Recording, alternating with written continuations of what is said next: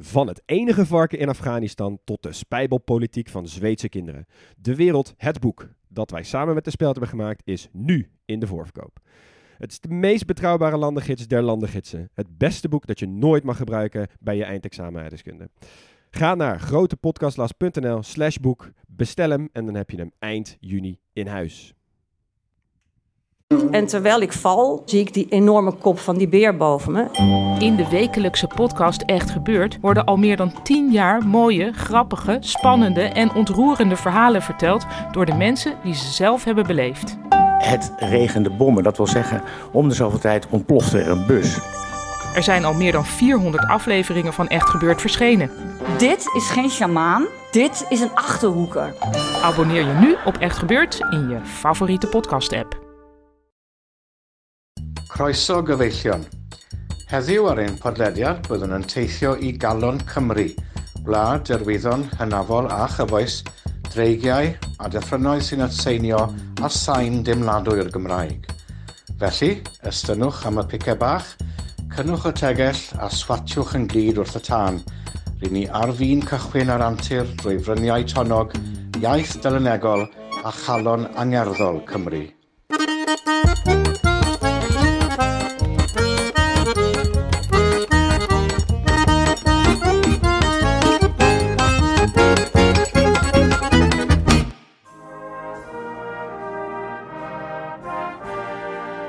Wales is het Keltische geweten van Groot-Brittannië.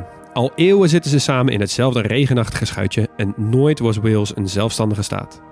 Eerder is het een raadselachtige en desolate uithoek van Groot-Brittannië, waar de mens een speelbal is van de elementen. Maar met het Welsh hebben ze de ultieme codetaal voor als ze even anoniem willen vitten op hun Engelse buren. Bergen, stormen, kliffen, oude wouden en uitgestrekte weiden, bewoond door meer schapen dan mensen. De vele kastelen werpen je terug tot in de middeleeuwen en de kolenmijnen tot de industriële revolutie. Tegenwoordig onderscheidt het zelfbewuste Wales zich trots van de rest, maar wedden dat er een heleboel bekende Welshmen zijn die je als Engels had ingeschat? Nou, zeker weten. Ik denk dat jij daar rond eh, het meest over gaat vertellen, Huug. Ja, absoluut. Dat is ongeveer mijn hele kunsthoofdstukje omheen gebouwd om dat soort mensen. Ja, Ik, normaal zoek ik altijd even snel op de eh, bekende mensen uit land X. Weet je wel, je hebt altijd van die lijstjes, van die dom- domme lijstjes. En dan denk ik, oh, komt die daar vandaan? Fijn, daar ga ik een mooi hoofdstukje aan wijden. Ja. Maar bij eh, landen die heel erg dicht bij Engeland of Amerika, nou, bij Canada zagen we dat ook zitten. Dan heb je altijd, wow, is die ook van daar? Wow, is die Ja. ook van hier? Ja, dus ja, dan krijg je Ja, dit heel dus snel. ook, ja. Bij Wales maakt het ook niet makkelijker dat ze geen hele moeilijke achternamen hebben. Want die taal die is onbegrijpelijk. Maar Ja. hun achternamen zijn over het algemeen wel gewoon prima. Als Ja. in gewoon best wel Brits. Be- Ja, Ja, precies. ja. Ja. Dus je kunt het niet aan ze zien. Nee, klopt. Hey, eh, tweede land uit het Verenigd Koninkrijk. Zijn jullie hier geweest ooit? Nee, Nee. Jij wel? Ja, alleen op doorreis naar Ierland. Dus ja, een, een Hoe- nachtje. oh, om de boot te pakken daarna. De boot pakken in Swansea. Lachen. Ah, Oké. Ja. Ja, ik, zou- ik zou hier dus nog best wel graag helemaal eh na mijn onderzoekje over de geschiedenis en de politiek, vind ik het echt wel, lijkt me heel gaaf om daar ook weer heen te gaan. Het lijkt me een beetje het Zuid, eh, het Zuid-Limburg van, eh, van het eiland. Ja, ja, ja, vind ik best wel Weet je? grappig. Veel bergen, veel Ja. heuvels. eh, nou ja, ander taaltje. Ja, je verstaat Wel ze iets meer dan bij ons. Maar goed. Ja, Ehm, de manier waarop we dit gaan doen is net even iets anders dan bij Engeland. Want Engeland is zo groot. Natuurlijk is dat een grote podcastlas land. Eh, Wales en Noord-Ierland doen we als kleine. En dan krijg je de Schotland weer als groter. als toetje. Als toetje. Ja, Ja, Wel een zwaar en groot toetje, maar dat zal de keukens ook wel passen, denk ik. ik denk het ook wel. Nou, dan Wales. Ehm, waar ligt Wales? Eigenlijk is Wales het westelijke deel. Dus we hebben de vorige keer gezegd, hè, trek een lijn van Liverpool naar Bristol ongeveer, dat is je grens. Het is 8,5% van het Verenigd Koninkrijk als land, qua oppervlakte. Eh, het is de helft van Nederland ongeveer en daarmee net zo groot als Israël.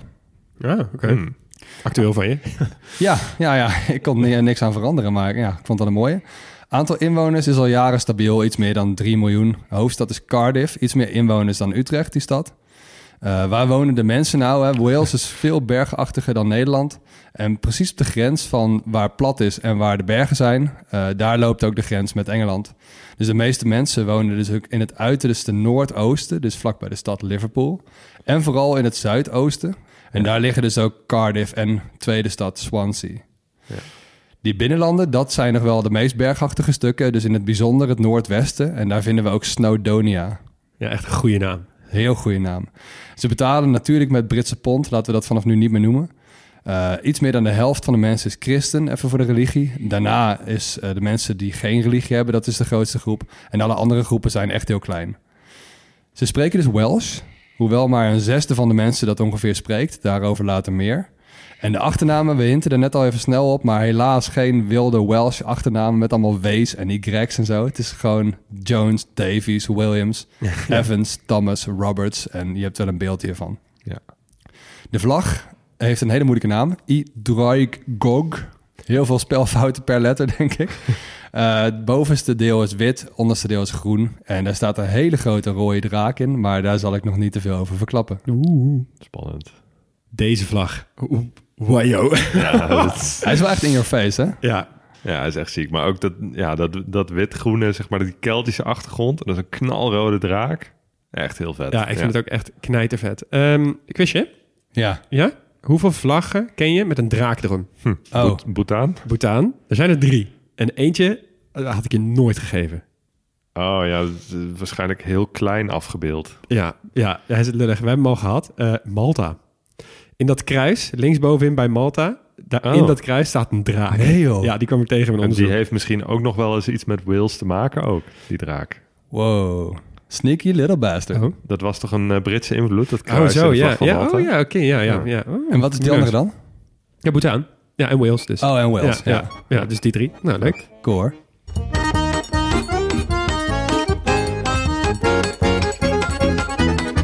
Hoofdstukje 1. Ik begin bij The Welsh. Ehm, het is altijd lastig om dan zo'n onderzoek te doen van ja, wat, wat maakt nou iemand, weet je wel? Maar te beginnen met de, de standaardstatistieken over 3,1 miljoen mensen. Ehm, en 2 miljoen daarvan die identificeren zich ook echt daadwerkelijk als Welsh. Mhm. Eh, Dus die anderen voelen zich bijvoorbeeld meer Brits of meer, eh, ja, sommigen ook meer Engels. Ongeveer iedereen spreekt wel Engels. En wat je net zei, Max, inderdaad, een zesde spreekt ook ongeveer Welsh. Of Timrijk, zoals je dat uitspreekt. Timrijk. Ehm, volgens mij, als ik het goed heb. Tenminste, ik hoorde in de intro al, die, die taal is echt ongelooflijk moeilijk te eh, Ja. eh, verstaan. Want het is een hele oude Keltische taal. Eh, en ik weet niet of luisteraars of jullie wel eens naast iemand hebben gezeten in een kroeg of in een trein of zo, die, die Welsh sprak. Ik denk het misschien wel, maar ik heb het gewoon niet opgemerkt. Ja, ik heb dus naast iemand gezeten en ik hoorde dat, het, dat er Engels in zat. Omdat er heel veel Engelse leenwoorden in zaten die heel Brits uitgesproken waren. Dus ik had al zo'n donkerbruin vermoeden. Maar ik dacht, ik ga het gewoon vragen. Toen vroeg ik aan die persoon, sorry, mag ik jullie vragen, wat voor taal is het? Ze zei, ja, dat is Welsh. En het is echt het is magisch. Het, is, eh, het, het, het Welsh accent in het Engels klinkt ook heel zangerig en heel typisch. Je herkent het omdat het een beetje zo gaat. Net als inderdaad dat Limburgs waar je het eerder over had. Ja. En soms klinkt het echt alsof de Zweden eh, hun taal in het Engels hebben gezet. Ik ga even een stukje laten horen, je horen. Well, I'm going as Michael Myers from Halloween. Hubby's lent me his overalls. Uh, Steven's going as Slim Shady. Wauw. Ja. Dit, dit is geen grap, toch? Nee, dit is dus wel een heel lokale Welsh, eh, Welsh-Engels accent. Oh, ik word Ja. zo gelukkig hiervan. Dat is toch fantastisch? Ja. ik vind het dus ook echt heerlijk. Ehm, en sowieso die taal is echt... Maar dit is dus Engels, maar het Welsh zelf is ook echt gewoon Ja, bizar. want dit was gewoon Engels met een Welsh accent. Ja, wat dus de meeste dit mensen daar praten. de, de, Wales, de Welsh taal. Nee, de Welsh Nee. taal die hoorde je in de intro. Eh, maar Ja. dit is dus inderdaad... Daar is eh, helemaal niks van te maken. Nee, ja. daar is helemaal niks van te maken, Ja, inderdaad. Wow, maar hier ook niet van. Ik, ik, ja, ik verstond af en toe wat woorden, maar verder Ja, ging over maken. Halloween costumes. Ja, ik vond Ja. het wel gezellig. Ja. Hm. Ehm, eh, nou, qua cultuur, wat ik leuk vind, is eh, de Welsh zijn eh, ook al heel lang bezig om hun eigen iets day te hebben. De Britten hebben het, de Schotten hebben het, de Ieren hebben St. Patrick's Day. En de Welsh hebben St. David's Day, dus 1 maart. Ehm, en wat ik heel fijn vind aan deze dag, is dat je het viert door random acts of Welshness te doen en te delen. Dus eh, doe de kleine dingen. Met andere woorden, geef een koets, oftewel een knuffel aan een willekeurig persoon op die dag. Oké. Eh, je draagt een prei ergens op je lichaam. Eh, gewoon een prei, als in een, een leek heet dat in het, eh, in het Engels. Ja. Ja, dat heeft dus weer te maken met vroeger dat eh, tijdens een grote veldoorlog had een zo'n Welsh lord gezegd: Oké, iedereen die bij ons hoort moet een prei op zijn lichaam doen, zodat ze weten tijdens het heetst van de strijd wie ze wel en niet moeten raken. Ja, vind ik goud. Alles wat met gele narcissen te maken heeft, is ook Welsh. Dus dan geef je gewoon aan mensen of dat hou je gewoon op. Eh, je hangt die vlag met die draak uit in je hele land. Eh, Ja. En, dit vind ik het allervetste, het ultieme teken van Cariat, oftewel liefde in Wales, is iemand een lepel geven. maar niet zomaar een lepel, zo'n grote houten lepel die dan helemaal is uitgesneden. En hiermee dus heel symboliek natuurlijk, om daarmee liet je zien dat je eh, heel bekwaam was en dat je dingen heel goed kon. Dus je moet gewoon een kleine nationalistische daad doen. Gewoon, Ja. En het kan zo klein zijn als een lepel geven of een prei in je handen hebben. Ja, ja, precies. Of dus een knuffel geven aan mensen. Het Ja. zou wel leuk zijn als wij dat zouden gaan doen. Toch? Gewoon Koningsdag aan iedereen een knuffel geven. een kleine uiting van je Nederlandsheid. Ja, Ja. Door, door iemand een eh tikkie van 2 cent te betalen. nou goed, Eh, ik eh, skip hem even over naar de geschiedenis, want die is heel leuk. Want eh Hugo, jij vertelde vorige week dat die, die Britons, die Britons, zeg maar, de originele Britten, Ja. eh, dat die werden verjaagd door de Angelsaksen en de Normandiërs. Nou, die, zijn, eh, die zaten natuurlijk ook al in Wales. Die, eh, die, die Britten. En die bleven daar. Want zoals Max, al- zoals je net al zei, het paspoortje, dat gebied is best wel bergachtig. Dus heel veel van die Normandiërs, van die Angelsaksen, die dachten, ja, eh, pff, ik hoef daar niet heen. Het is hier druk genoeg. Dus die lieten die Welsh daar lekker zitten. En zo bleef die oude cultuur best wel lang bewaard. En dat is de reden waarom het dus nog steeds zo'n Keltische, Brittonse cultuur heeft. Je mag die dingen een beetje niet door elkaar halen, want eh, ja, sommige mensen noemen het Keltisch, maar het is ook niet altijd Keltisch. En Welsh is wel een vorm van Keltisch in taal, maar ook weer niet Ja. in cultuur. Dus het is, ja goed, eh, dit moet je maar aan een historicus vragen hoe dat dan precies zit. Ja, maar het is gewoon één stad op meer, toch? Gewoon eh, elke koe is een beest, maar niet elk beest is een koe. Ja, nee, exact. Ja, Ja. dus eh, Keltisch, daar hoort ook Welsh bij, maar niet alle Keltische talen zijn Welsh. Ja, en dan zijn er dus ook nog van die Welsh historians die zeggen dat Keltisch niet, niet per se daar hoort, bij hoort. Maar goed, ik zei, dat hoeven we niet per se mee te We vermoeien. don't want to go there. Nee, waar ik je wel mee wil vermoeien is namelijk waar het woord Wales en Welsh vandaan komt. Namelijk van het Anglo-Saxische gebruik van de term Wealas. eh, om mensen in Groot-Brittannië te beschrijven die Brittonic spraken. Dus Wales betekent eigenlijk gewoon eh, de, de anderen. Zeg maar de andere Ah, mensen die een ja. andere taal spreken. Wat ik best wel vet vind. Ehm, nou goed, eh, eh, die geschiedenis hebben we gehad. Nou, niemand slaagde erin om heel Wales voor een langere periode te verenigen. Er waren kleine koninkrijkjes, zoals wel vaker in, in heel Europa. Ehm, maar ja, goed, wanneer word je goed verenigd als je één duidelijke tegenstander hebt? Dus toen die Normandiërs en die Anglo-Saxen steeds meer druk kwamen te zetten, kwam er iemand op die die koninkrijken kon verbinden. En dat was Gruffudd ap Luluën. Eh Gruffut betekent iets van Griffith. En Lulu, ap Luluën betekent van de leeuw. Dus iets van Griffith van de leeuw heet hij dan. Oké. Eh, was koning tot eh 1039, dus ja, een tijdje geleden. En hij was eigenlijk de enige die het hele gebied echt heeft geregeerd. Nou, zijn naam wordt ook nog wel steeds veel genoemd. Maar ja, na zijn dood viel alles weer uiteen. Ehm, en toen na zijn dood is er heel weinig bekend van die periode. Tenminste, er is wel wat bekend, maar ze weten niet in hoeverre ze dat op waarde moeten schatten. En een van die, een van die verhalen die ze niet precies weten hoe ze die op waarde moeten schatten, is er eentje die jullie allebei kennen. Dat is namelijk van King Arthur. Juist hem. Want King Arthur is inderdaad wel wat langer geleden, maar het is opgeschreven eh, door de Welsche geestelijke Geoffrey of Monmouth. Eh, die heeft eigenlijk gewoon zijn leven gewijd aan alle bronnen verzamelen die hierover gingen. Eh, en ook over alle andere dingen die er waren. Dus alle, alle liederen, alle, nou, hoe dat in die tijd ging, weet je wel. Alles was mondeling, niks werd bijna opgeschreven. En hij heeft dat allemaal verzameld en heeft daar eh, vervolgens het Historia Regum Britanniae te schrijven. Oftewel de geschiedenis van de koningen van Brittannië. Dus niet Groot-Brittannië, maar Brittannië. Mhm. Ehm, en in dit boek worden we dus ook geïntroduceerd aan de legende van koning Arthur. En ehm, feitelijk is er over de persoon Arthur weinig bekend. Maar hij wordt omschreven als de gouden standaard van ridder zijn, zeg maar. Ridderbaas ongeveer. Mhm. Goed. ehm, eh, Het is ook niet zeker of die ooit heeft bestaan, toch? Exact dat. Want ehm, het is eigenlijk een soort sprookje. Maar tot de 16e eeuw werd het echt wel gezien als waarheid. Maar ze zijn dus op een gegeven moment gaan terugrekenen waar dat sprookje allemaal, of waar dat verhaal steeds meer dingen bij heeft gekregen. En dat vind ik dus heel interessant hoe dat ging vroeger. Want het, eh, de oorsprong ligt in Wales. Maar op, in de loop der jaren en eeuwen is dat verhaal is naar Frankrijk gereisd. Daar hebben verschillende mensen weer allemaal dingen aan toegevoegd en dingen veranderd. En op een gegeven moment is dat een soort eigen leven gaan leiden... totdat het koning Arthur verhaal wat we nu kennen. Want zeg maar vroeger, in het originele verhaal... had je alleen een zwaard. Eh dat had verder nog geen naam, zat geen steen omheen, whatever. Of had wel een naam, maar was niet mythisch. Eh, je had een kasteel, wat heel anders heette dan later. En je had een wijze en die heette Merlijn. En je had de koning Mhm. Arthur. Later kwamen daarbij Lancelot, de ridder, Excalibur, die, de, de steen, zeg maar. Camelot werd ineens eh, gebruikt. En die ronde tafel en driehoeksverhoudingen met allemaal vrouwen en zo. Dat werd er allemaal ingestopt later. Dus het zat helemaal niet in het originele verhaal. Dus dan ga je ook afvragen, wat, wat is nou daadwerkelijk waar van die, heel die Arthur? Ik ken dit verhaal ook echt alleen uit tekenfilms van vroeger. Kinderseries en zo. Ja, ja, Ja. precies. Ja, ja. Lance- Lancelot, dat is wel, eh, zijn wel echt inderdaad bekende namen. Een ander onderdeel wat in de geschiedenis van de koningen van Brittannië staat... en waarom ik deze ook nog wilde aan, eh, aanstippen... eh, is dat er een Keltische koning was, Vortigern. Die was op zoek naar een plek om een kasteel te bouwen. En hij vond uiteindelijk een plek die hij wel leuk vond... op de heuvel van Dinas Emrys. Eh, het enige probleem dat hij had is... de fundamenten van het kasteel vielen steeds in die heuvel naar beneden. En toen was er iemand, een jonge jongen... waarschijnlijk Merlijn de Wijze... eh, die vertelde de koning dat de reden dat dat kasteel niet wilde blijven staan... is omdat die locatie direct boven een ondergronds meer lag. En in dat meer lagen twee draken te slapen. hey, hier komen. Ah, Eh, nou goed, de mannen van Vortigern, de koning, die gingen de graven in die heuvel. Van oké, nou als dat meer daar zit, dan willen we dat wel even zien. Ehm, en daar vonden ze twee draken. Een rode en een witte. En die twee draken die ontwaakten prompt uit een lange slaap en ze begonnen samen een hevig gevecht met elkaar. Want dat is logisch in dit soort mythische verhalen. Ja, ehm, eh, maar hoewel de witte draak eigenlijk de hele tijd van het hele gevecht dominant was, won de rode draak uiteindelijk het gevecht. En de jonge Merlijn vertelde vervolgens aan de koning: de rode draak die vertegenwoordigt jouw volk, dus de inheemse Britten. Eh, en de witte eh, draak vertegenwoordigt de Saksische legers die binnenvallen. Eh, met andere woorden, de rode draak werd het symbool van Wales. En daarom staat hij nog steeds op de vlag. Oké. Eh, Vet. ja, vind ik wel leuk.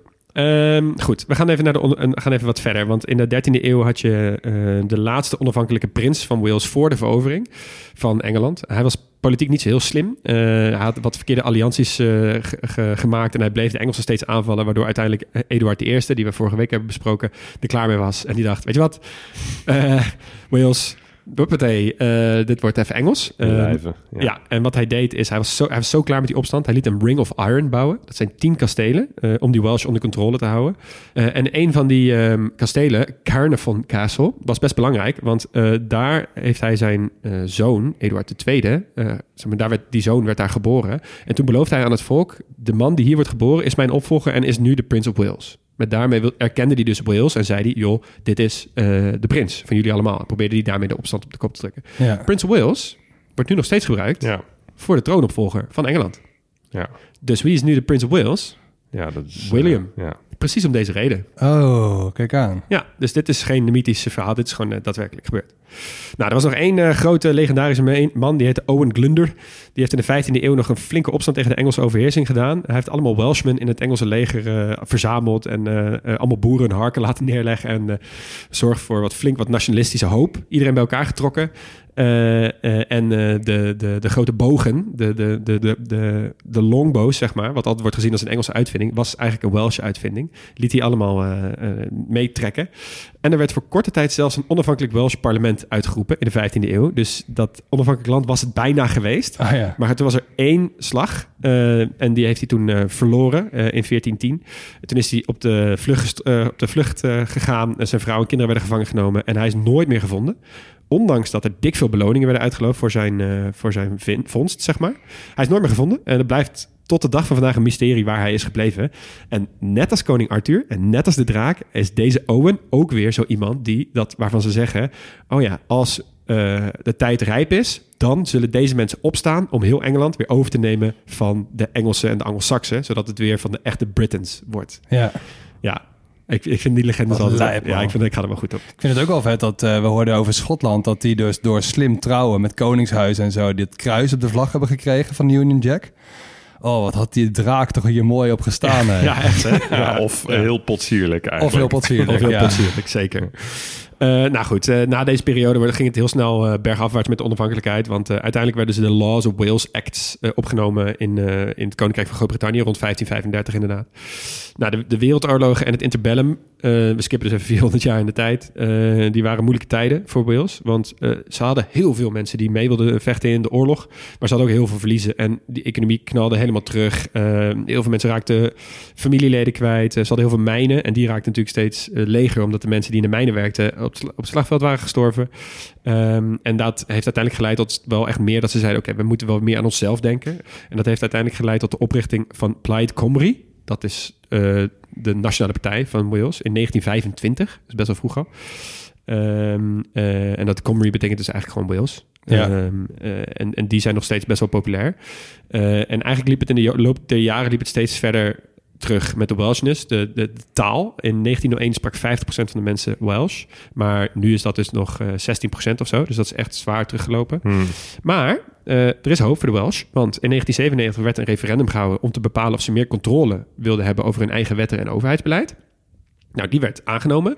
Eh, en als gevolg van deze stemming werd ook de, eh, de Nationale Vergadering voor Wales opgericht. Dus eigenlijk gewoon hun eigen soort plek om te, om te kunnen vergaderen over hun land. Eh, en steeds meer dingen werden gedecentraliseerd van Westminster in Londen naar Wales. Dus ze mogen over steeds meer dingen mogen ze eigenlijk eigen wetgevende macht uitvoeren. Eh, ze hebben een Welsh parlement. Eh, ze mogen nieuwe wetten maken, controleren en aannemen. Er is een uitvoerende macht. Eh, Eh, en dus eigenlijk hebben ze dus nu, als je in Wales woont, heb je dus eigenlijk gewoon twee regeringen. De regering van Wales en de regering van het Verenigd Koninkrijk van Groot-Brittannië en Noord-Ierland. En ze hebben allebei dus de macht eh, en verantwoordelijkheid over verschillende zaken. Maar echt grote dingen komen steeds meer eh, richting Wales. Dus het ziet er goed uit voor de Welsh. Ja, Mooi.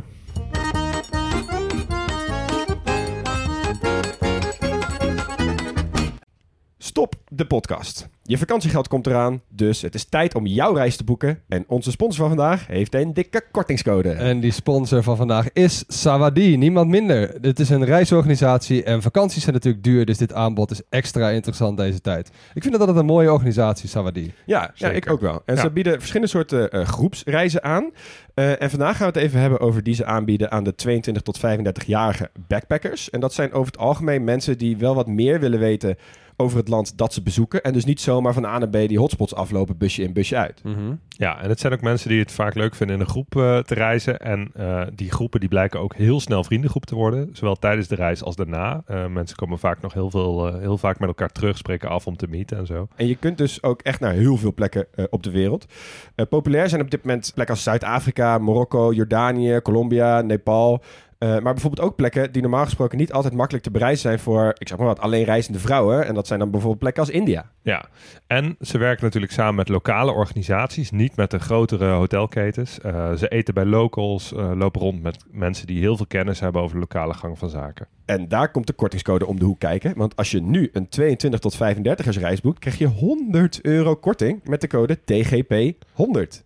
En die code is geldig van 1 mei tot 16 juni. Ja, dus je moet wel een beetje op tijd boeken, maar hey, 100 euro korting op zo'n reis. Moet je kijken dat- wat je er allemaal mee kan ik doen. zou dat toch altijd even proberen om TGP 200 in Ja, te voeren. ja, ja, ja, dat ja. ik misschien. Ja. Ja, ik- Anyway, 100 is ook al super mooi. Zeker. En bij Saudi, het reizen is heel makkelijk. Er is heel veel keuze en het is dus ook heel gezellig.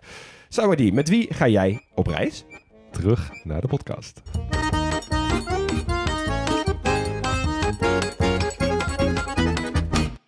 Hey, volgende hoofdstukje. Natuur, toerisme en een beetje economie. Want het is niet bepaald een stadstaat waar we het over hebben. En ehm, er is heel veel natuur, dus is heel belangrijk in dit verhaal. En ik wil niet zeggen dat Engeland niet mooi is, maar als je nou Schotland te ver vindt rijden... en je wilt toch wat bergen, dan is Wales wel echt een goede tip voor spectaculair landschap. Want het is veel heuvelachtiger dan Engeland, hebben we al een paar keer gezegd. Eh, sommige plekken zelfs echt bergachtig. Twee regio's springen eruit, dus die neem ik even met jullie door. De Bannau-Bregenoch. Heb je de, Sorry voor de uitspraak. heb, je de uitspraak, eh, heb je de uitspraak even opgezocht? Gelukkig hebben ze, ja, en alsnog hard gefaald. Gelukkig hebben ze ook nog een Engelse naam, de Brecon Beacons. Dat is in, het, in Zuid-Wales. Het is een nationaal park rondom, best wel een grote bergketen. Best wel groot is dat toppen gaan tot 800 of 900 meter ongeveer. Eh, en die bergen die zijn ook echt heel kaal, zoals je die Schotse bergen ook verwacht. Ja, daar groeit echt niks op. En die bossen die vind je dus weer in de lager gelegen delen. Andere grote bergachtige gebied is Snowdonia. Hadden we het al over, heerlijke naam. Ja. Eh, het is niet een nieuwe skihal in de Randstad, maar wel het ruigste nationale park van Wales. Eh, het is genoemd naar Snowdon, de sneeuwheuvel, als je dat eh, vrij kunt vertalen. De hoogste berg van Groot-Brittannië buiten Schotland. Dus best wel serieus. En je kunt die Mount Snowdon ook beklimmen, een beetje zoals met de Tafelberg. Weet je wel, dat je hele makkelijke wandelingen er hebt, Ja. en lange. En kortere, die dan heel moeilijk zijn. ja. Maar er rijdt ook een treintje. En die is echt zo schattig. dat Ik wilde hem echt knuffelen, die trein. Is dat zo'n klassieke kleine stoomlocomotief met... eh, Ja, met zo'n vierkant eh, dingetje. Die, ik, ik stel me dan zo'n winkeltje voor, weet je wel? Een van die mini-treintjes. Ja, het is dat jij Harry Potter dus niet hebt gelezen, maar echt zo'n Hogwarts Express-achtige situatie. Ik Zw- geloof Zwijnstein. Express. Ja. Ja, ik heb die film, ik heb de eerste film gezien, dus ik denk dat ik het met je eens ben. Ja. Eh, je hebt in dat, in dat park 15 pieken en die staan dus bekend als de Wells 3000. En die 3000 is dus wel feet. Dus Waar- ongeveer rond de 1000 meter. Ja, oké. Nou, en die liggen dus allemaal in Snowdonia. En zo dichtbij dat je ook een heuse challenge kunt lopen. Die is 48 kilometer in totaal. En de challenge is, je moet hem voltooien, dus al die 15 pieken binnen 24 uur. Echt? Ja, dat is wel echt voor diehards. Ja, maar het dit. zou niet de eerste keer zijn dat wij een trail of een, of een wandeltocht aanbevelen aan onze luisteraars en dat ze hem daadwerkelijk gaan lopen. Ja, nou ben je niet Ja. een diehard en heel geoefend. eh, pak dan eerst een ander, want dit is wel echt eh best wel pittig werk. Ja, en als je, hem- als je hem hebt gedaan, bel ons even. Mail ons even. Ja. Precies, en laat even je heel tijd benieuwd. weten. Eh, lager gelegen heb je dus die bossen en daar is wel echt iets vets mee aan de hand daar. Ehm, ze hebben daar een extreem zeldzaam verschijnsel, namelijk het Keltische of Atlantische regenwoud. Dus het is een voorbeeld van een gematigd regenwoud, dus anders dan tropisch. En dat krijg je dus op heel veel plekken waar het veel regent en dus vooral aan de kust van gebieden. Dus in het noordelijk halfrond heb je de noordwestkust van de VS via Canada naar Alaska. Dat is er één. Noorwegen, Noord-Spanje, de oostkust van China, Japan, ongeveer het hele eiland Japan. Eh, rond de Golden Triangle, dus Myanmar en zo, Laos, die Ja. hoek. En rond het Turkse en Georgische deel van de Zwarte Zee. Wow, oké. Wow, Heftig. vet. Als je dit, als je deze plaatje Ja. op een kaart zou zien en je zou ze vragen... Wat is de controle? deze- Laat de kaart zien. Wat laat de kaart zien? Geen idee. Nee. Nee, Nee. Misschien helpt het dat je er op de zuidelijke halfrond heb je er ook nog, nog een paar. Nieuw-Zeeland, Oh, ja. eh, het zuiden van Australië en Zuid-Chili. Oké. ja, oké. Dus dat is een beetje de klimaatzone Ja. waar je aan moet denken. En dus allemaal van die hele kleine plukjes over de hele wereld. En dus ook in de UK. En dus daarvan vooral in Wales en Schotland. En dit zijn echt de meest biodiverse regio's van het land. En voor heel veel type mos is het hier echt ideaal. Want logisch, eh, alles wat toeristen niet fijn vinden... is voor mos wel best wel chill, Ja, toch? Ja, ja. Kleine temperatuurschommelingen, vet veel regen. Eh, dus als toerist moet je altijd je jas aan. Maar voor een mos is dat wel fijn, want je hebt ook heel veel neerslag. Ja. Ik heb ook wel een beetje een zwak voor mos, moet ik Ja, zeggen. ik ook Ik wel. ook. Ik Ik vind mos echt tof. Ja. En het kan zo mooi zijn. Ja, en heel Ja. veel groen ook. En Ja. Mos is ook altijd best wel succesvol. Als in, ze doen het gewoon altijd goed. Ja, je hebt me wel eens verteld dat eh, het Poolse oerbos... dat daar heel veel eh, dode bomen tussen zitten... en dat dat Ja. dus heel goed is voor mos. Ja, precies. Ja. Ik heb ook wel een eh, liefde gekregen voor hele gekke schimmeltjes. Die vind je dus ook heel veel hier. Van die hele wilde paddenstoelen die je hebt. Dus als je een regenjas en je wandelschoenen meeneemt... is Wales dus wel echt een fantastische plek om heen te gaan. Eh, we hebben vorige keer gecheckt. Ik heb de vorige keer gecheckt... of die reputatie van Engeland als regenachtig land... een beetje overtrokken is. Eh, dat is het in Wales niet zo. Wel gewoon dikke regen altijd. Ja. Ehm, droogste maand qua regendagen is juni. Dan heb je ongeveer 12 van de 30 dagen een regendag.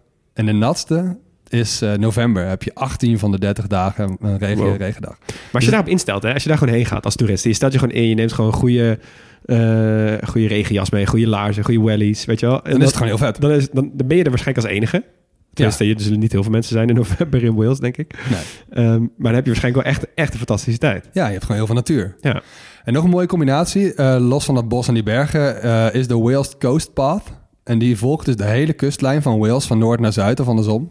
Dus je loopt over steile kliffen, over duinen, rotspaden.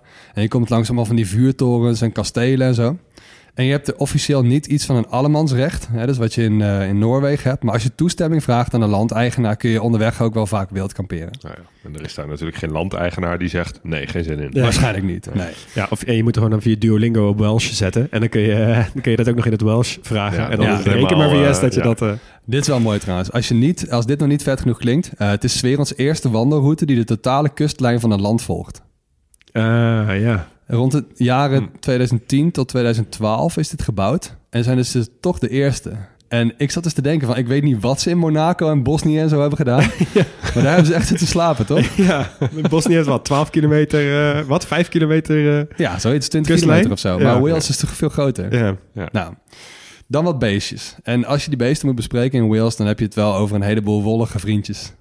Schapen. Want Wales is dus wel een van die landen die dus meer schapen hebben dan mensen. Een ratio van 3 op 1 ongeveer.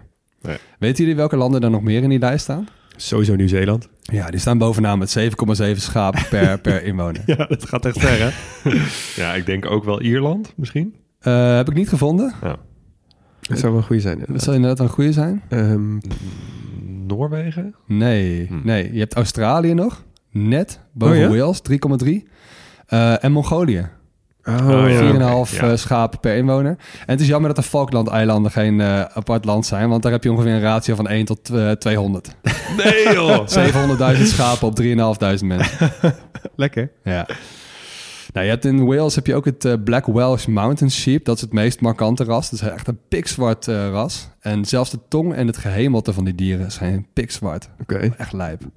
Nou, je hebt, ehm, je hebt voor die schapen, dat is wel mooi, je hebt een, een leeg land. Eh, het is heuvelachtig, te heuvelachtig voor landbouw. En het regent er dus altijd. Dus het is echt een snoepwinkel voor schaapjes natuurlijk.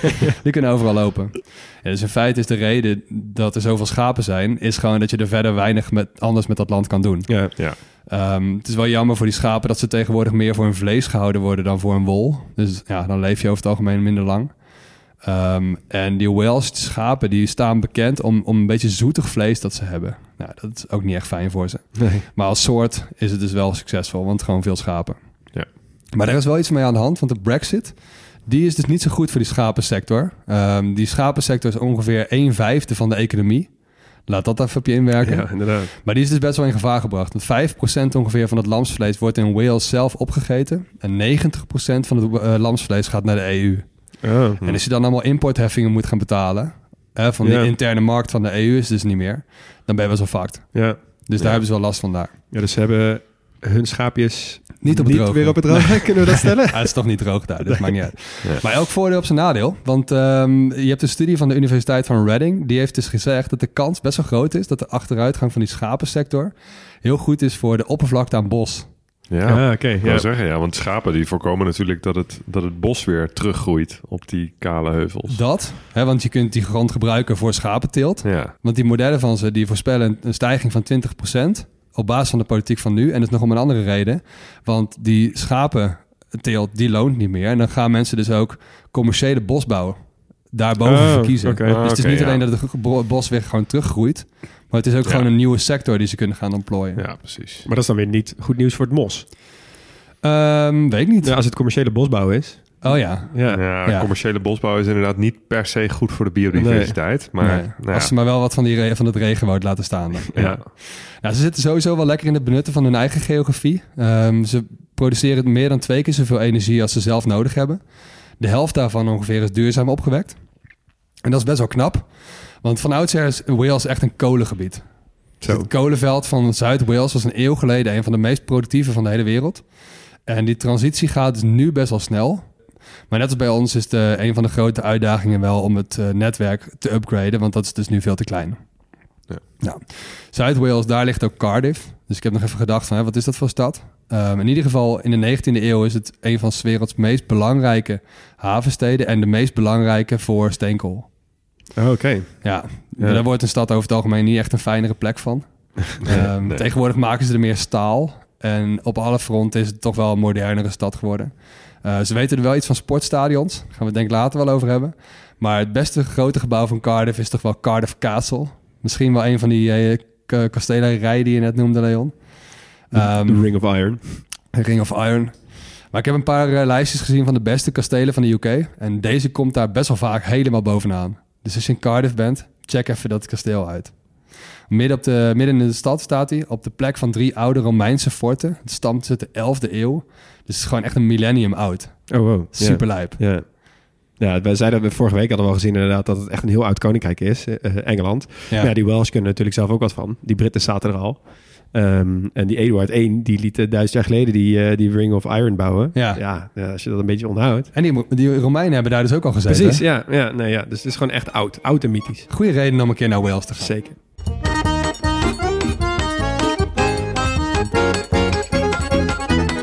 Nou, we hadden het er al over. Wales is dus weer zo'n heerlijk land eh, met Engels sprekende beroemdheden... waarvan je dus geen idee had dat ze Welsh zijn. Ik ga hier eens even lekker voor zitten. Voel ik een quizje aankomen. Oh, Ehm, nee, ik heb geen quizje voor je. Oké, mooi. Kunnen we het ook niet fout doen. Maar je gaat je wel verbazen, want we beginnen even met literatuur. En om precies te zijn bij kinderboeken. Want mijn favoriete kinderboekenschrijver, die blijkt een Welshman te zijn. Roald Dahl. oh joh. Ja. Ja. Wie is er niet groot geworden met eh Sjaakje in de chocoladefabriek? De grote vriendelijke reus. GVR, 100%. Mathilda. Ja. Ja. toppers. Ik kijk echt rijkhalsend uit naar het moment dat mijn zoontje toe is aan Roald Dahl natuurlijk. Zo, alles hoeven voorlezen. Ja, het nu kan je dit met jaar... Ehm, accent kan je nu al die, eh, al die boeken gaan voorlezen. Ja, nou, ik- ik- vriendelijke ik, reus. nog niet. Ehm, dit jaar kwam zijn werk ook weer in het nieuws. Ik weet niet of eh, jullie het hebben meegekregen. Ja, sensitivity readers, toch? Ja, precies. De Ja. uitgever had besloten om kleine aanpassingen door te voeren in de teksten. Eh, om ze wat minder aan, aanstootgevend te maken. Dus woorden als dik en lelijk werden bijvoorbeeld geschrapt. En vervangen door neutralere woorden. Ehm, dus daar is heel, internationaal heel veel ophef over ontstaan. Ja. Eh, ook de premier heeft zich ermee bemoeid. Nou, veel boeken van Roald Dahl zijn natuurlijk ook verfilmd. Eh, maar er zijn meer Welsche prestaties op het witte doek te melden. De beroemdste is misschien wel Anthony Hopkins. Oh, is hij? Oké, ja. Ja, nou, ja, is dit ding, dus, ja. eentje. Ja. Eh, bekend geworden als Hannibal Lecter. ja. Ja. Ehm, Lekker andere- hersens eten. Wat Ja, zeg je? ja. Lekker hersens Lekker eten. hersens eten, ja. Andere, eh kom er zo bij keuken. Andere beroemde film, filmsterren, eh, waarvan ik niet wist dat ze Welsh zijn. eh, Michael Sheen, Catherine Zeta-Jones Ja. en Timothy Dalton. Hey. Oh. Bekend geworden als James Bond. Ja. Nou, voor de muziek blijven we in de Bond-sferen. Want de hofleverancier van James Bond-themes... sterker nog, de enige die er ooit in meerdere James Bond-themes inzong... eh, die komt ook uit Wales. Dat is namelijk Shirley Bassey. Ik had er nooit van gehoord, maar ze zong Goldfinger, Moonraker en Diamonds Are Forever.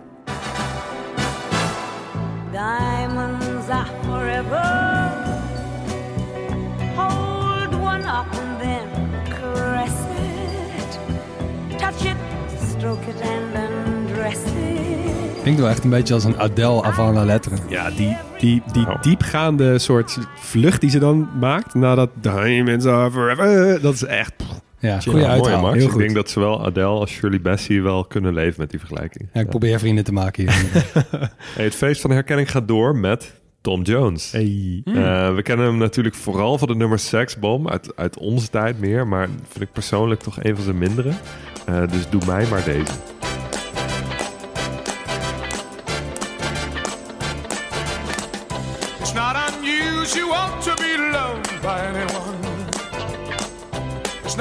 Ja, deze. Oh, deze is dus in mijn geheugen altijd is die combinatie gemaakt met eh, Fresh Prince of Bel-Air. Kennen jullie dat nog?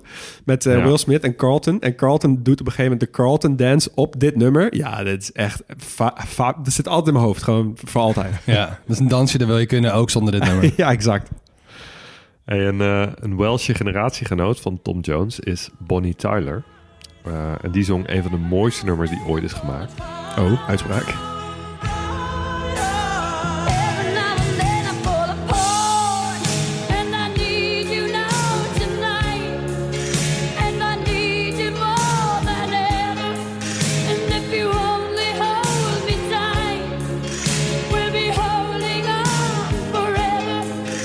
Of the. Ja, zeker. Eh, het kwam in 1983 niet verder dan de 24e plaats in de top 40. Ongelooflijk. Maar nu staat het al jaren in de hogere regionen van de top 2000. Dus, Deze ja. doet het ook altijd goed op karaokeavonden en ballads, zing mee, Ja. da- dagen en nachten. Ja, een beetje zo'n...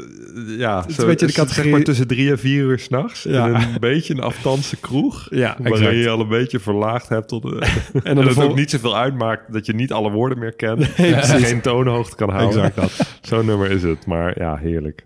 Hey, de bekendste Welsche zangeres uit recentere tijden is waarschijnlijk Duffy.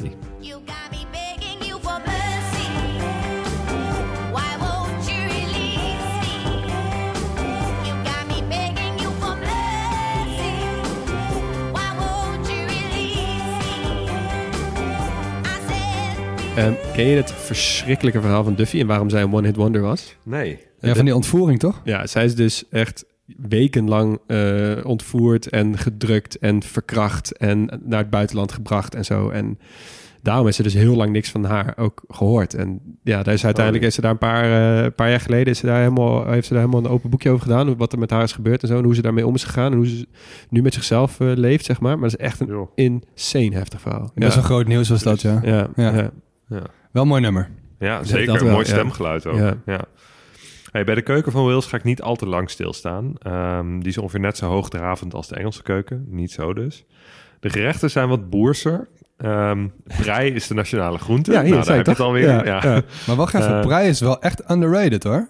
oké. maar goed. Als, als prei zeg Prei, maar je Ja, ja. backbone van de keuken is, dan, dan weet je het wel. Dan heb je Ja. een beetje... Ik snap dat je het voor de underdog op moet nemen, maar prei, kom aan. Het is maar prei. Ja, dat is waar, maar toch. Hey, ze zijn dol op bijzonder broodbeleg. Eh, neem bijvoorbeeld Welsh Rarebit. Dat zijn sneetjes brood met een kaassaus. Dat is eigenlijk veel chiller dan gewoon een plak kaas. Huh? Ja. Ja. Kaassaus. Ja. Dat kan nooit goed voor je zijn. Ja, dat is gewoon alsof je een broodje gewoon in de toaster Ja, doet. En dan een kaas eh, is ook niet per se goed voor je. Nee, maar ik- broodje onder de grill en dan met kaas die gesmolten is. Zo stel ik het een beetje voor. Ja, ik, dat, ja. Oh, ik zag juist voor me, ken je, nog, ken je die, die witte tubus kaas waar zo'n koksmuts op zit, die je altijd in je- die wel eens in je nee. doet? Zo Ja, zag ik het echt voor ja, me, ja. kaassaus. Ja, nee. en ehm, eh, een stuk gezonder in ieder geval is leverbread. Dat is gekookt zeewier dat je op een broodje of toastje kan smeren. Ehm, qua smaak zit dat ergens tussen oesters en olijven in. En het is dus mega gezond. Oké, Hmm. ja. Zou het hebben- wel een kans willen geven. Ja, ik, ik ook wel, zeker. Ja, ik vind sowieso vaak zeewierproducten wel lekker. Ja. Dory. Ehm, ze hebben ook wat minder hartige broodjes. Bijvoorbeeld de Welsh cakes. Dat zijn een soort platte gesuikerde krentenbollen. Ja. Vet lekker. Ik zie jou knikken. Jij Ja, die zijn, dat is volgens mij echt de, de, de eh, lekkernij uit Wales. Ja. Zeg maar. elk, elk land heeft toch zijn eigen koekje. Waar wij de stroopwafels hebben, hebben zij de. Welsh Nou, cakes deze. volgens mij. Ja. Ja, ze zien ook echt heel lekker uit. Eh, ik heb in Wales trouwens wel de beste fish and chips ooit gegeten. Echt in zo'n typisch zaakje in de haven van Swansea. Waar ik dus eh, kwam onderweg naar Ierland. Ja. Eh, ja, dat zijn van die ervaringen die je lang bijblijven. Weet je wel? Dat je, dat je gewoon een plek vindt waar je iets heel lekkers eet. Ja. waar je met één arm boven je fish and chips hangt, omdat anders de, de seagulls je, je eten uit je, uit je Ja. hand stelen. Ja, inderdaad. Ehm, ja, bij sport had ik het kunnen hebben over Geraint Thomas. eh Tour de France winnaar. En ook naast de fiets echt een absolute koning. Ehm, Ga je dat niet doen? Nee, niet meer dan dit. Wat? Normaal heeft Max Ja. altijd de wielrenners bij, eh, bij eh, dit soort landen. En Ja. nu heb je een keer de kans Nee, om te praten over ik G. laat, het, ik laat het aan Max. Je Ja. geeft epische voetballers, man. Ja, Ja. ik wil het inderdaad toch vooral even hebben over voetbal. Want eh, we kennen een heleboel voetballers uit Wales. Vooral omdat ze heel snel opgepikt worden door clubs uit Engeland. En daar op een wereldpodium spelen. Neem Ryan Giggs, Gareth Bale, Aaron Ramsey. Natuurlijk echt absolute wereldtoppers. Eh, maar het vervelende voor die Welsche voetballers was altijd... je kan met je Engelse club wel de Champions League winnen... maar op het moment dat het WK voor de deur staat... ben je aangewezen op tien hele matige landgenoten. Ja, ja, ja. Beetje het Jari Liedman effect. ja, precies. Ehm, en zo gebeurde het dat Wales eh, zich alleen in 1958 heeft gekwalificeerd voor het WK. Eh, ze wonnen, eh, of ze haalden toen wel meteen de kwartfinales, dus dat is wel knap. Ehm, in 2016 kwalificeerden ze zich eindelijk weer eens voor een eindtoernooi, toen voor het EK. Eh, dat deden ze nog beter. Eh, het voetbal was best wel matig, maar wel stug genoeg om Slowakije, Rusland, Noord-Ierland en België te verslaan. Heb je ook wel een beetje geluk met je loting, maar toch. Ik, ik weet het nog heel goed met die blik van Gareth Bale die toen de hele tijd echt zo zoiets had van oh yes, het gaat gewoon lukken. Ja, Yes, ik, ga, ik, heb ja. deze, ik heb deze postbodes en de dakdekkers heb ik gewoon meegetrokken Ja. het WK in. Maar wat in al die, la- eh, in al die jaren natuurlijk eh, Ryan Giggs nooit is gelukt. Nee, precies. Ja. Dus ik Nee. gun het Bale wel. Ja, precies. Ik ook wel. Ehm, ook de Welsh voetbalclubs die leunen zwaar op Engeland. Eh, de grootste Welsh clubs, zoals Swansea City en Cardiff City, die spelen in de Engelse competitie. Eh, het gevolg daarvan is dat wat er overblijft in Wales is echt totale bagger. De, de, de hoogste voetbalcompetitie is echt een veredelde amateurklasse. Oh ja, dit dat is hoe ik me dat kick en rush van het oude Engelse voetbal Ja. eh, voorstel, Ja, weet je wel? precies. Ik, Ja. zie ook gewoon, ik zie ook gewoon voetbalvelden voor me die half op die bergen liggen, weet je wel. Ja. Halverwege dan... eh, Ja, dat zijn die teams van, die uit mogen komen, waarvan de kampioen dan wel uit mag komen in de eerste voorronde van de Champions League. En dan vliegen ze eruit tegen, een- tegen een Andorrees team. of zo. ja, ja, ja. Ja, Ehm, waarin ze wel echt gewoon eh, zelf eh, eh, behoorlijk op de voorgrond staan, is met hun stadion. Je noemde het al, het Millennium Stadium in, in Cardiff. Het heet tegenwoordig anders, geloof ik, maar vrijwel iedereen kent het nog als Millennium Stadium. Vast Qatar Airways Stadium Ja. of zo. ja, precies. Het is enorm. Eh passen geloof ik iets van 75.000 mensen in. En het ligt midden in de stad. Ja. Het is een beetje alsof er een stadion op het neuden staat. ja. Echt super vet. En toen Wembley verbouwd werd, ehm, werd het ook gebruikt als plek waar bijvoorbeeld de FA Cup finale werd gespeeld. Ja, ja, ja. Ehm, we hebben ook nog even tijd voor een klassieke Keltische sport. Eh, er waren er genoeg om uit te kiezen. Ehm, maar ik heb gekozen voor knappen. Ik spreek het vast verkeerd uit. En spellen heeft ook niet zoveel zin, want het wordt op heel veel verschillende manieren geschreven. Eh, het is een van de vele primitieve voorlopers van voetbal. En eh, werd vooral gespeeld in het westen van Wales, dus in de, in de kuststreek. Ehm, de teams bestonden meestal uit de gehele mannelijke bevolking van twee aangrenzende dorpen. Eh, een speelveld besloeg die twee dorpen en het tussenliggende gebied. Ehm, er werd gespeeld met een massief houten balletje dat voor de wedstrijd in 12 uur in olie werd gekookt om extra glibberig te maken. en het doel is om de bal mee te nemen naar de eigen kerk. Oké. Verder waren er eigenlijk geen regels. Eh, sommigen speelden het spel te paard, anderen te voet. Het was maar gewoon net of je een paard had of niet. Eh, en op zo'n enorm speelveld was het ook lang niet altijd voor iedereen duidelijk waar de bal zich bevond. Dus het was niet alleen een kwestie van gooien en pasen van die bal, maar ook gewoon van smokkelen. Ja. Dus het was gewoon een soort, meer een soort levensstratego dan, eh, dan voetbal. Ja, je had Kunnen- mij al, man. Ik vind het zo vet Ik klinken. wil zeggen, kunnen we dit alsjeblieft i- ingebrengen ergens? Dat je gewoon, dat je gewoon echt, weet ik veel, Nijkerk tegen Leusden. En dan gewoon Ja. dit hele, de hele tering zo die ertussenin ligt. Dat mensen echt smokkelen met, tegenwoordig met, weet ik veel, Ja, met, met stepjes en met, eh, met Ja, maar Tesla's. Het, het wordt dus niet meer gespeeld. Want eh, Oh, nee. het, het ging er zo ruig aan toe dat de kans op verwondingen zo groot is. Een beetje net als met het kaasrollen in Engeland. Ja. Dus ja, helaas. Maar dit idee wel, maar dan wel gewoon met iets meer regels om mensen levend te houden. Maar ik vind het een mooi idee. ook. Hey, wat ook wel een mooie sport is trouwens, als we het toch even moeten noemen bij Wales, is het uitspreken van hun plaatsnamen van ze. Ja, Want ja zo. Oh, dat is wel, ja, dat is ten eerste onmogelijk en ten tweede zijn ze fucking lang. Zo, nou, Leon, ik weet in ieder geval, je hebt dat ooit dat tweetalig VWO gedaan. En een van de dingen die minder nuttig waren die ze deden daar, was dus het oefenen op de uitspraak van die langste plaatsnaam ter wereld. Ja, is een, dorp. En het is echt goed dat je dit zegt trouwens, anders waren we deze gewoon zomaar vergeten. Ja, ja, ja. Maar het is inderdaad een dorp in Wales en dat heet Glanfair, Pugwingig, Gingweri, Gwindrobo, Glantecilio, Gogogoch. Eh, en als je dit nou ook wil eh, leren, er zitten bijvoorbeeld ergens zitten er vier L'en achter elkaar. Dus het is echt iets geweldigs. Ehm, en je hebt dus gewoon een liedje. Eh, en zo hebben wij dat dus ook geleerd. En één keer in de zoveel tijd werd er gewoon uit het niets in de Engelse les werd dat liedje weer aangezet. Ah ja. En dan ging je Glanfair, Pugwingig, Gogari, Gwendrobo, Glantecilio, Gogogoch. Dat is wel mooi. Ik denk dat jij het wel een beetje met een Spaanse uitspraak doet, maar dat maakt het wel zangerig. Ja, er zitten meer, meer harde G's in bij de echte Ja. Welshmen, Ah, ja. Ik denk mij. wel dat het Ja. een van de Welsh woorden is waar we het minste uitspraakfoutjes maken. Dus eh, thanks daarvoor. Eh, als je dit leuk vindt, Basje en Adriaan gaat er ook gewoon heen. Dus eh, toch even als tipje.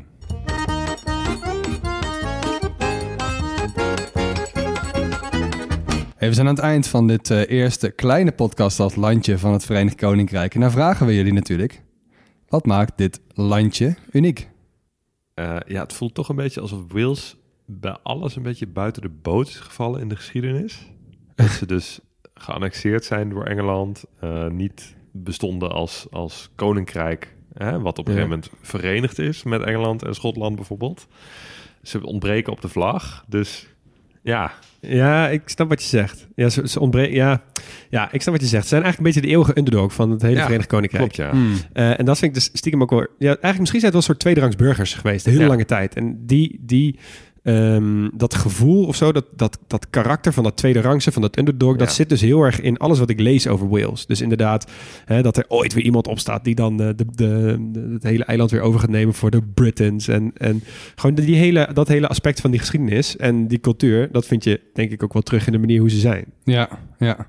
ja, en landschappelijk is het, het is jammer dat ze Schotland hebben, want heel veel van die dingen die anders waren, anders waren ze uniek geweest in Wales. Mm, weet ja, je? ja. Maar het is een mooie in ieder geval. Eh, en ik denk ook, ja, ik heb, ik heb wel een zwak voor ze gekregen eigenlijk, voor die Welshmen. Ja, ja. Wat gaan we doen als we hier eh één dag zijn?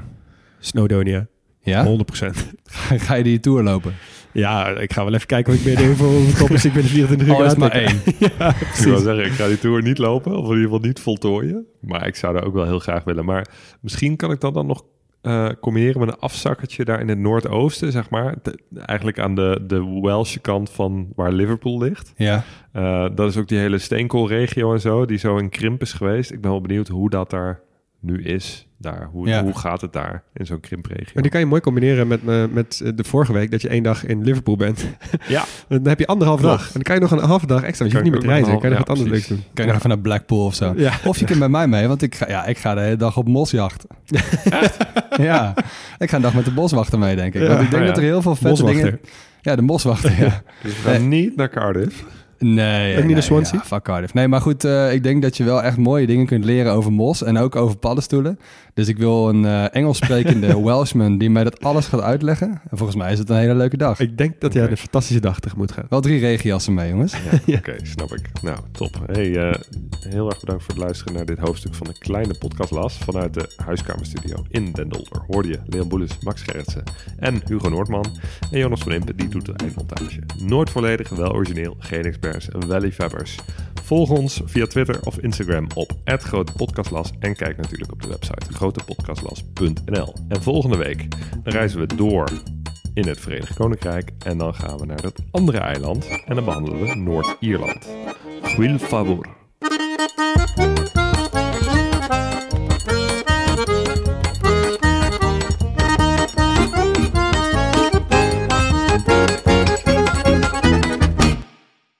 Luisteraar. Luister je nog steeds? Klasse, man. Je hebt er gewoon helemaal afgeluisterd. Nou, nu je tot hier bent gekomen, koop dan ook gelijk even ons boek, hè. grotepodcastlas.nl slash boek.